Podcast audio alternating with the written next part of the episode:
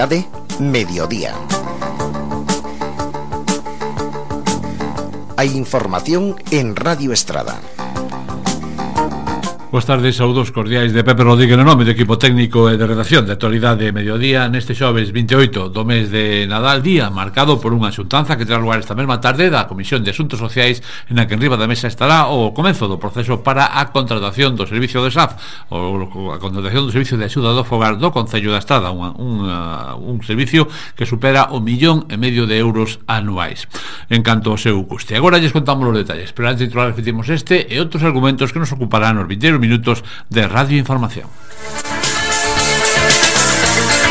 A Comisión de Asuntos Sociais tratará esta tarde o comezo do proceso para a contratación do servicio de axuda no fogar. Dende o PSDG a PSOE dubídase de que se acepte o que é a oferta económica, pero xa anticipan o seu voto a favor. Comezan as actividades dos xoves eh, para dinamizar o Nadal. Dende o colectivo La Estación faise un chamamento á participación juvenil. As actividades de Nadal condicionadas polo mal tempo, algunhas delas teránse que suspender e outras cambiar de ubicación. Alrededor de 600 persoas despedirán o ano con deporte nas dúas uh, probas solidarias de fin de ano. A Silveira suma 155 inscritos e a San Silvestre 405. A Conselleira de Medio Ambiente e Vicepresidenta Segunda da Xunta Ángeles Vázquez acompañada do delegado territorial da Xunta en Pontevedra Agustín Reguera visitaba onte o antigo Centro de Saúde de Cerdedo Cotobade. En Cuntis vai se presentar o libro Que miras? O será presentado mañá venres ás 8 no Casa da Cultura de Cuntis. Ademais do autor, Fernando Salgado, estará a protagonista do libro, Susi Maquieira.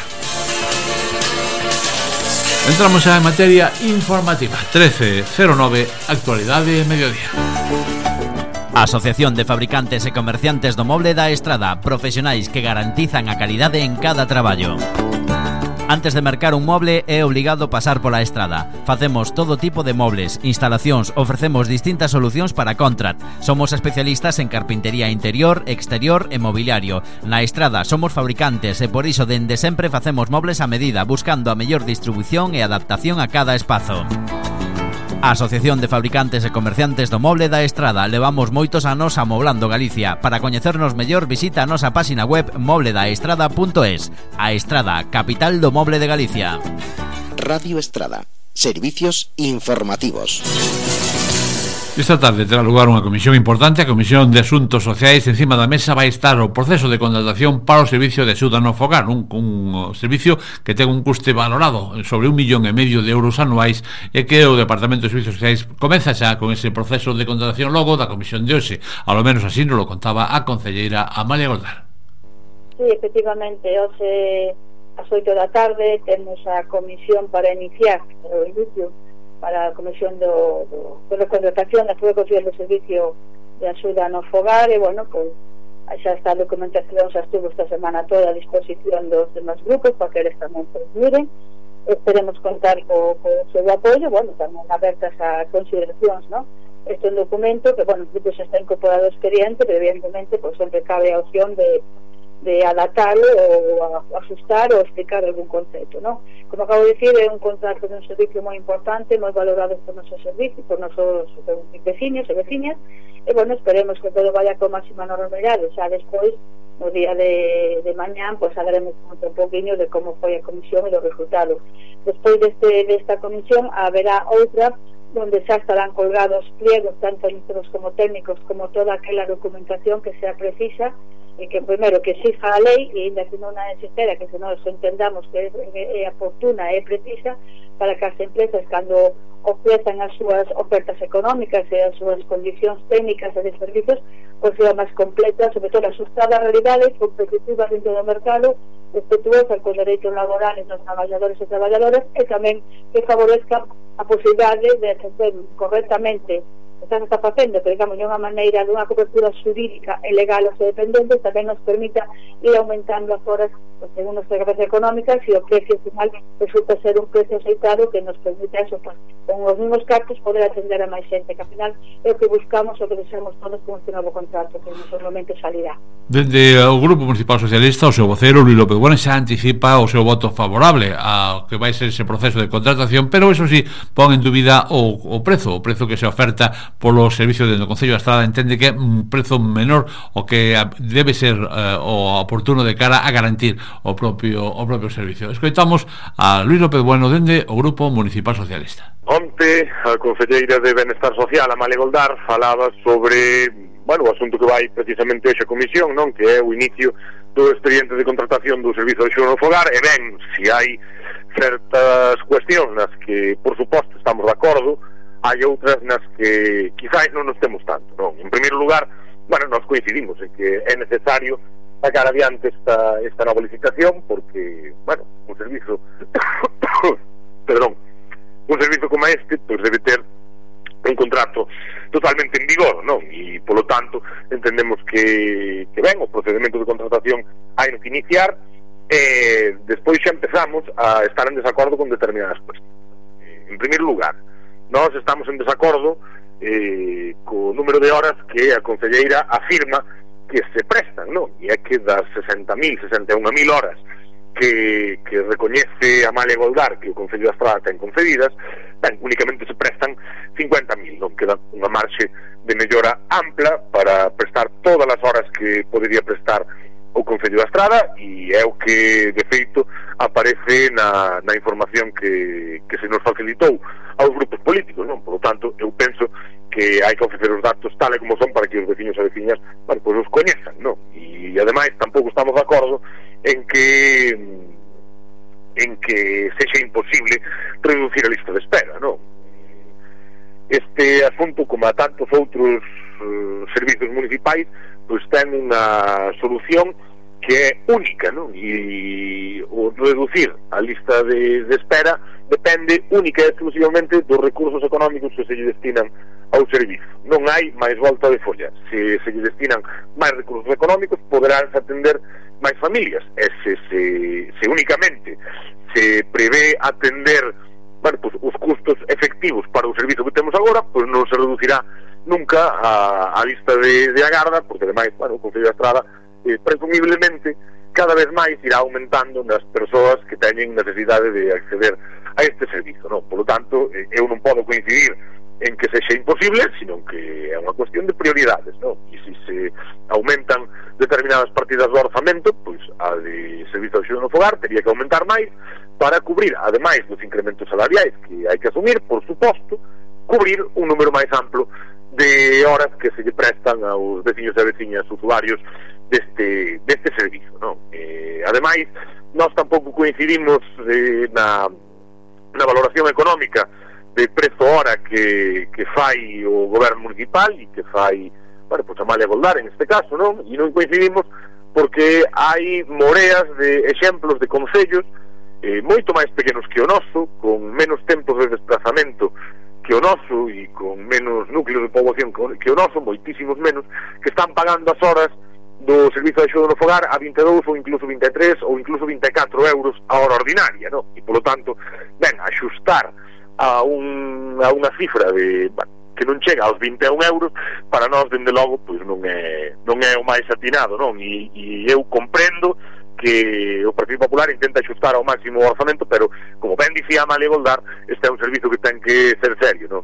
E os compromisos que se adquiran hai que mantelos e cumprir co servizo aos veciños e veciñas e eu penso que por ese prezo ou ben ou con a licitación pode quedar deserta ou corre o risco de quedar deserta ou ben eh, corremos o risco de que, bueno, apareza unha empresa con dubidosas intencións e que finalmente nos acabe prestando o servizo nas condicións que se exixen, non? E temos un exemplo ben cercano a nós, de feito está na actualidade estes últimos días, xa estivo a metade de ano, pero nestes últimos días volve volve a estar na actualidade, que é o Concello de Lalín, non? Que adxudicou en 2019 este servizo por un importe superior ao que pretende adxudicar o Concello da Estrada, ali adxudicábase en 1,5 millóns de euros no ano 2019 e nós pretendemos no ano 2024 adxudicalo por 1,3 e, e polo tanto, bueno, eu entendo que corremos o risco de que algunha empresa bueno, pues veña con un prezo bueno, un prezo realmente baixo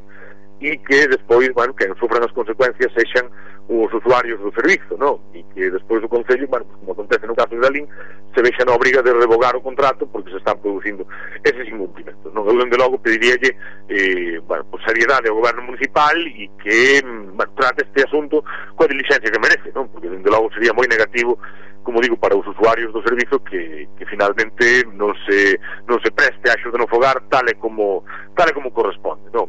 Fora disso, vale, pues vamos a darlle un voto de confianza ao Partido Popular e a Malegolar, non? Como digo, nós entendemos que é necesario que este servizo se poña en marcha e ademais reiteramos non e a, a, a queixa que plantexábamos onte non? e é que o Partido Popular pide ya Xunta máis financiamento para o servizo de xudo no fogar pero sempre co boca moi pequena non? e hai que recordarlle aos partidos populares de todos os concellos que a competencia é da Xunta de Galicia en política social. A única responsable de otorgarlle o financiamento suficiente aos concellos para prestar este servizo é a Xunta de Galicia. E punto, porque é a competente, pono no Estatuto de Autonomía e, polo tanto, é a competente para trasladarlle aos concellos os recursos que necesitamos para prestar un servizo tan importante. Non, igual que acontece con, bueno, coas escolas infantís, non? Onde a Xunta de Galicia que outorga ás escolas infantis privadas ata 300 euros por praza, mentres que, no caso pois, das escolas infantis municipais, a subvención máxima é de 160 ou 170 euros. Non? E é un financiamento ridículo e, como ben dicía, a Male Goldaronte, non? son servizos que bueno, pois, aumentan o, a súa carga sobre, sobre os orzamentos. Non? E sendo competencia da Xunta, son eles, o Partido Popular na Xunta de Galicia é o responsable de que chegue o financiamento suficiente aos concellos. Non, por lo tanto, eu pediría, bueno, pues pois accións máis contundentes. Non, as declaracións están moi ben, pero dende logo eu pediría que como fai a Federación Galega de Municipios e Provincias e como fan multitudes de concellos onde non goberna o Partido Popular, bueno, pues pois echan contundentes e pidan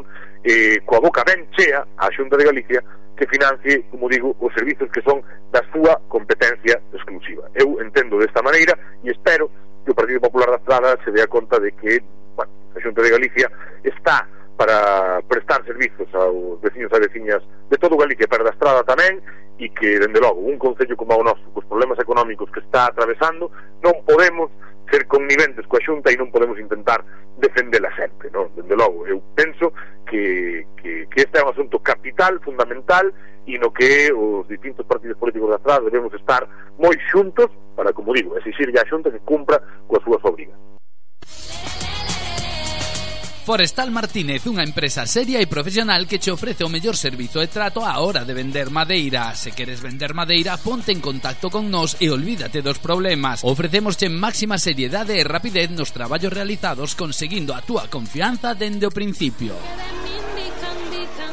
Ponte en mans de profesionais, vende a madeira e pon a túa finca a producir de novo dándolle máis valor. Forestal Martínez, teléfono 605-08-8392, Cuntis. Comercial Beiras e Agroveiras. Tengo un tractor Lamborghini porque ya la ultimamos. Venda de todo tipo de fresadoras e desbrozadoras Covesa con dous anos de garantía. Grandes ofertas con prezos moi especiais.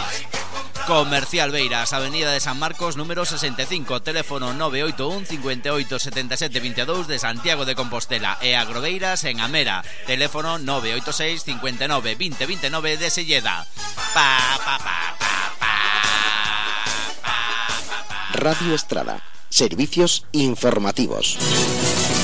A programación que se está preparando, que se está desenvolvendo dende o Departamento de Cultura do Concello para os vindeiros días pode ter modificacións eh, así se informa dentro do propio Concello por mor do mal tempo. Oxe, o día 28 de decembro, eh, o, a compañía Bandullo Azul presenta Flipa do Nadal, un espectáculo infantil na sala banca. Será a 6 da tarde, evidentemente ao estar en unha zona pechada non vai a sufrir mm, problemas. O que si ten eh, eh, problemas e por tanto queda cancelada é a actuación da C Orquestra Fantasma, que quedaba queda cancelada, polo tanto, a súa actuación ao ter que ser na propia rúa. O concerto tributo a Phil Collins, que será no Teatro Principal ás 9 da noite, por suposto, sigue adiante sin ningún tipo de problema. Mañá, 29 de decembro, dependente do tempo, temos a actuación de O Dentista, de Troula Animación na rúa, as, na rúa principal do Concello, ás 6 e media tarde. O apalpador e os Bonifates serán na Praza do Mercado ás 7 e media. Tamén pendente do tempo, o día 30, será a charla sobre o libro da historia no Teatro Principal de Pedro Pérez Ás 12 da mañá fanfarria taquicardia na rúa principal na, na rúa Serafín Pazo na Praza do Mercado a 6 e media. Pendente do tempo, lógicamente, as actividades eh, que se celebran fora do que é o, o, o teatro principal ou a Salamanca, as que son na rúa. Finalmente, o 31 de decembro será a San, a San Silvestre en BTT na, na Praza do Concello. Falábanos de, das actividades concretamente para mañá o Concelleiro de Cultura Juan Constella O 29 de decembro eh, na, na rúa principal teremos eh, a seis e media o dentista que é un espectáculo de animación que tamén será unha estarase movendo pero bueno, vai ser máis estático, eh, menos estático que os outros eh, espectáculos que hai. E as 19.30 a 7 da tarde na Praza teremos o apalpador que vai a estar ali de que da compañía os mamifetes. Todos repetimos, pendentes do, do tempo. E tamén pendente do tempo, pero xa con actividades programadas están o colectivo La Estación, o colectivo Juvenil de La Estación. Falábamos esta mañán con Ani Sánchez, unha das promotoras do colectivo, que nos daba conta do que están preparando xa de cara ao a que, ao que queda de ano Escoitamos un momento da conversa Así es, así es, un año más eh, Hacemos Atacamos Polo Nadal La campaña de Navidades que hacemos con los chicos de La Estación y como siempre tiene una combinación de actividades de voluntariado, de cosas que hacemos para mejorar el pueblo, pero también por supuesto viene el momento de fiesta que es esta semana. Uh -huh. Bueno, contanos qué vas a hacer desde ya mañana, ¿no? Sí, empezamos mañana, vamos a tener lo que es un poco la fiesta para toda la familia, que está planteado hacer en la Alameda, pero parece que el clima se nos pone un poquito en contra, pero que no se preocupe nadie porque lo vamos a hacer igualmente en la estación. Tendremos actividades de Nerf, de Jagger, un torneo de Mindbox, que es un juego de cartas, Además tendremos actividades para los más peques, así que ideal para toda la familia que se pasen por la Alameda y si está lloviendo que nos vengan a visitar en la estación, que tendremos juegos ahí toda la tarde, desde las 3 hasta las 8, para que bueno, pasemos una Navidad juntos y con risas. Eso é importante, non? Dicir que pode participar calquer persona, non só os que habitualmente están uh, no colectivo de la estación. Por supuesto, todas estas campañas, así como el XFES que hacemos en verano, es para que toda la gente del pueblo pueda participar en lo que hacen los chicos. Es una forma de los chicos de la estación regalarles a su comunidad pues algo en Navidad. No siempre tiene que ser algo material, en este caso nosotros regalamos momentos. Uh -huh. Bueno, ¿y qué más, qué más te, eh, cosas tienes preparando, Ani? Pues el sábado ya nos ponemos un poquito más mayorcetes y esto vamos a hacer un se llama freestyle que es del digamos del ámbito del hip hop se van a hacer unas batallas de freestyle que es eh, como se hacía antiguamente en las regaifas aquí en en Galicia, pues es la parte moderna que se hace con hip hop, que lo haremos también con los chicos de la estación y con un emprendedor que tenemos aquí en Astrada, un joven que se llama Aarón, que quiere empezar, bueno, a mover el colectivo del hip hop en Astrada y vamos a apoyarlo. Esto será el sábado a partir de las 6 de la tarde también se va a hacer en la Alameda y si llueve, por supuesto, nos vamos a la estación. Y sobre todo interesante ir y apoyar a estos chicos para que la gente entienda la inventiva, la capacidad que tienen de vocabulario, que a veces los vemos y decimos, bueno, estos están aquí insultándose, pero no, realmente hay un trabajo detrás de, de ese momento del peleándose de palabra, pues lleva mucho trabajo y es importante también apoyarlos. Agradecer también a la empresa Frigogar que está apoyando esta iniciativa de Aarón que, bueno, como siempre decimos, es importante que toda la comunidad se vuelque para que los jóvenes tengan alternativas y oportunidades de hacer este tipo de cosas y no tengan que pasar las fiestas de Navidad, pues, o metidos en casa solos o en las plazas buscando lo que no se les ha perdido. Ya, efectivamente. Por cierto, eh, eh, bueno, este este hip hop decir que es un, proyecto emprendedor también que va a desapoyar. Sí, sí, Sí, sí, Este es un chico de aquí de Astrada que gracias a la iniciativa de la Asociación Imagina Ayuda del proyecto Encontromoso se puso en contacto con nosotros y bueno, propuso que quería hacer cosas, así que bueno, un ejemplo más de las sinergias que se pueden crear con los jóvenes cuando les damos espacios para poder trabajar juntos. Así que espero que escuchemos mucho más de Aarón y de sus proyectos de freestyle. Evidentemente, eso, eso tamén é importante. Pero despois da, nos quedan máis actividades, ¿no? Porque non, non paran sí, algo sí, así. Nos Así es, todavía nos queda eh, la visita a la residencia de mayores, como hacemos todos los años, que iremos por Reyes seguramente, y después también nos queda, bueno, como siempre, poner ese granito de arena en recoger a veces el botellón, a veces otros espacios que están un poquito más deteriorados, pero bueno, como siempre, ir a limpiar un poquito nuestro pueblo y después una sorpresa que tenemos de mano de la asociación Blank Space, que vamos a empezar a recuperar todas las paredes que están vandalizadas en el pueblo y las haremos un sitio ameno, agradable, que la gente esté orgullosa de ver las paredes de su pueblo. Pois pues iso tamén. É o que falábamos con Ani Sánchez, eh, a, membro da Asociación de la Estación, con todos esos proxectos que están en marcha dende os máis, os máis xoves. E por outro lado, onte pechábase o prazo de inscripción para participar tanto na terceira San Silveira de BTT como na decimoterceira milla San Silvestre, que se celebrarán como é xa tradición o vindeiro domingo día 31 de decembro. En total foron 155 as persoas que participarán na San Silveira, mentres que son 405 os corredores que se dan cita para participar a San Silvestre. Estas eh, cifras están supeditadas, ou sí, as condicións meteorolóxicas que poden incrementarse coas persoas que tramiten a súa inscripción do mesmo día, chegando ao kilogramo de alimentos eh, eh de alimentos non perecedoiros que será logo posto a disposición de Cáritas. Dende o Concello valorase moi positivamente a gran afluencia da San Silveira, unha proba que se está consolidando cada vez máis mm, con participantes chegados de todos os puntos de, da provincia. De mesmo xeito, tamén se congratula congratulan pola cifra de asistencia de San Silvestre unha proba xa consolidada no calendario de actividades de Nadal na Estrada. Soldado a los perros porque me he escapado. Tes un can e aínda non fixeches o seguro obrigatorio de responsabilidade civil? Visita Inversia Seguros Helvetia e asegura a túa tranquilidade con noso seguro de responsabilidade civil que che proporcionará protección para o teu can en caso de danos a terceiros, incluso para cans de raza perigosa, con cobertura tanto nacional como europea. Achégate a Inversia Seguros Helvetia na Avenida de Ponteareas 40 baixo a Estrada ou chama o teléfono 986 198 948 e asesoramoste sen compromiso. Quédate tranquilo asegurando o teu can.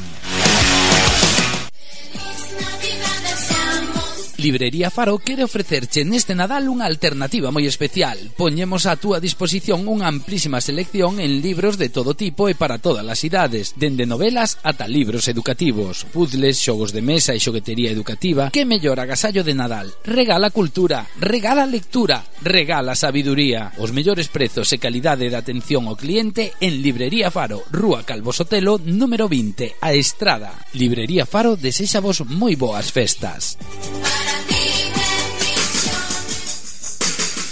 Actualidade Mediodía. Comarcas. Comezamos o noso viaxe polo Concello de Silleda, xa que a través da Concellería de Educación que dirixe Ángela Troitiño estáse a pintar nestes eh, momentos as dependencias do CEIP Plurilingüe de Silleda e o CEIP Ramón de Valenzuela na Bandeira. No caso de Silleda, nesta primeira fase procederase ao pintado das aulas situadas na ala esquerda do edificio principal nas dependencias que máis viñan acusando os efectos das humidades que causa a choiva. Estes traballos acoméntese aproveitando as vacacións do Nadal toda vez que xa foron realizados a obra de estrutura para evitar filtracións. Nunha segunda fase procederase a pintar o resto do centro. No CEIB Ramón Valenzuela, os traballos de pintura afectan sobre todo o pasillo da primeira planta do edificio.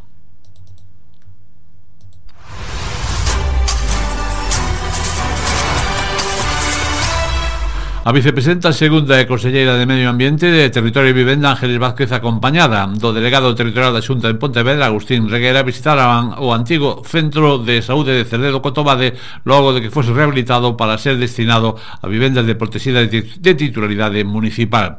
A actuación que respetou a estética original da fachada do edificio e mantivo o volume construtivo deu lugar a catro vivendas que veñen incrementar o parque público residencial na localidade. Mais polo miúdo, na planta Baixa localícese dúas vivendas de 130 metros cadrados con tres dormitorios, mentres que no, no andar superior hai dúas vivendas de un dormitorio cada unha.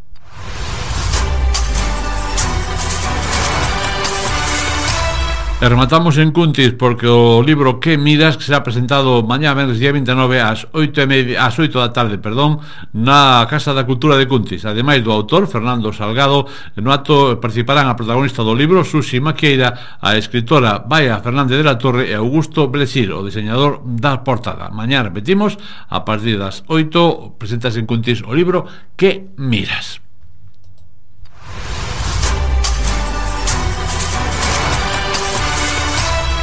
O tempo, a previsión meteorolóxica para as 22 horas dende Meteo Galicia, saudamos a Alberto Romero. Boas tardes, Alberto.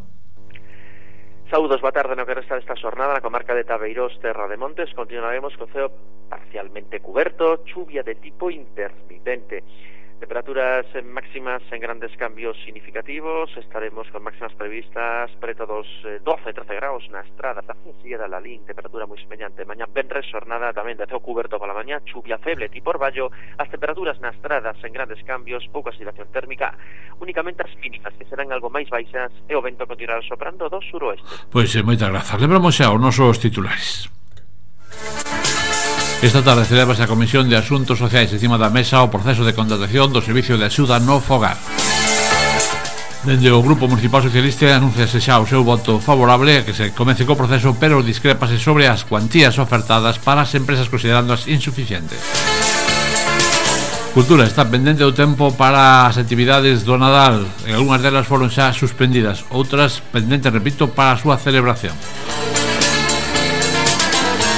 O colectivo La Estación pon en marcha ata o vindeiro domingo actividades para os máis cativos, tanto no que é a Praza do Mercado como noutros puntos da estrada. Máis de 500 persoas participan nas carreiras populares tanto na de BTT como tamén na carreira pedestre. Serán as de fin de ano a San Silvestre e a San Silveira. Eh, máis nada, punto e final este tempo de Radio Información. Quedan xa cos compañeiros de Radio Nacional. Saúdos e moi boas tardes. Radio Star.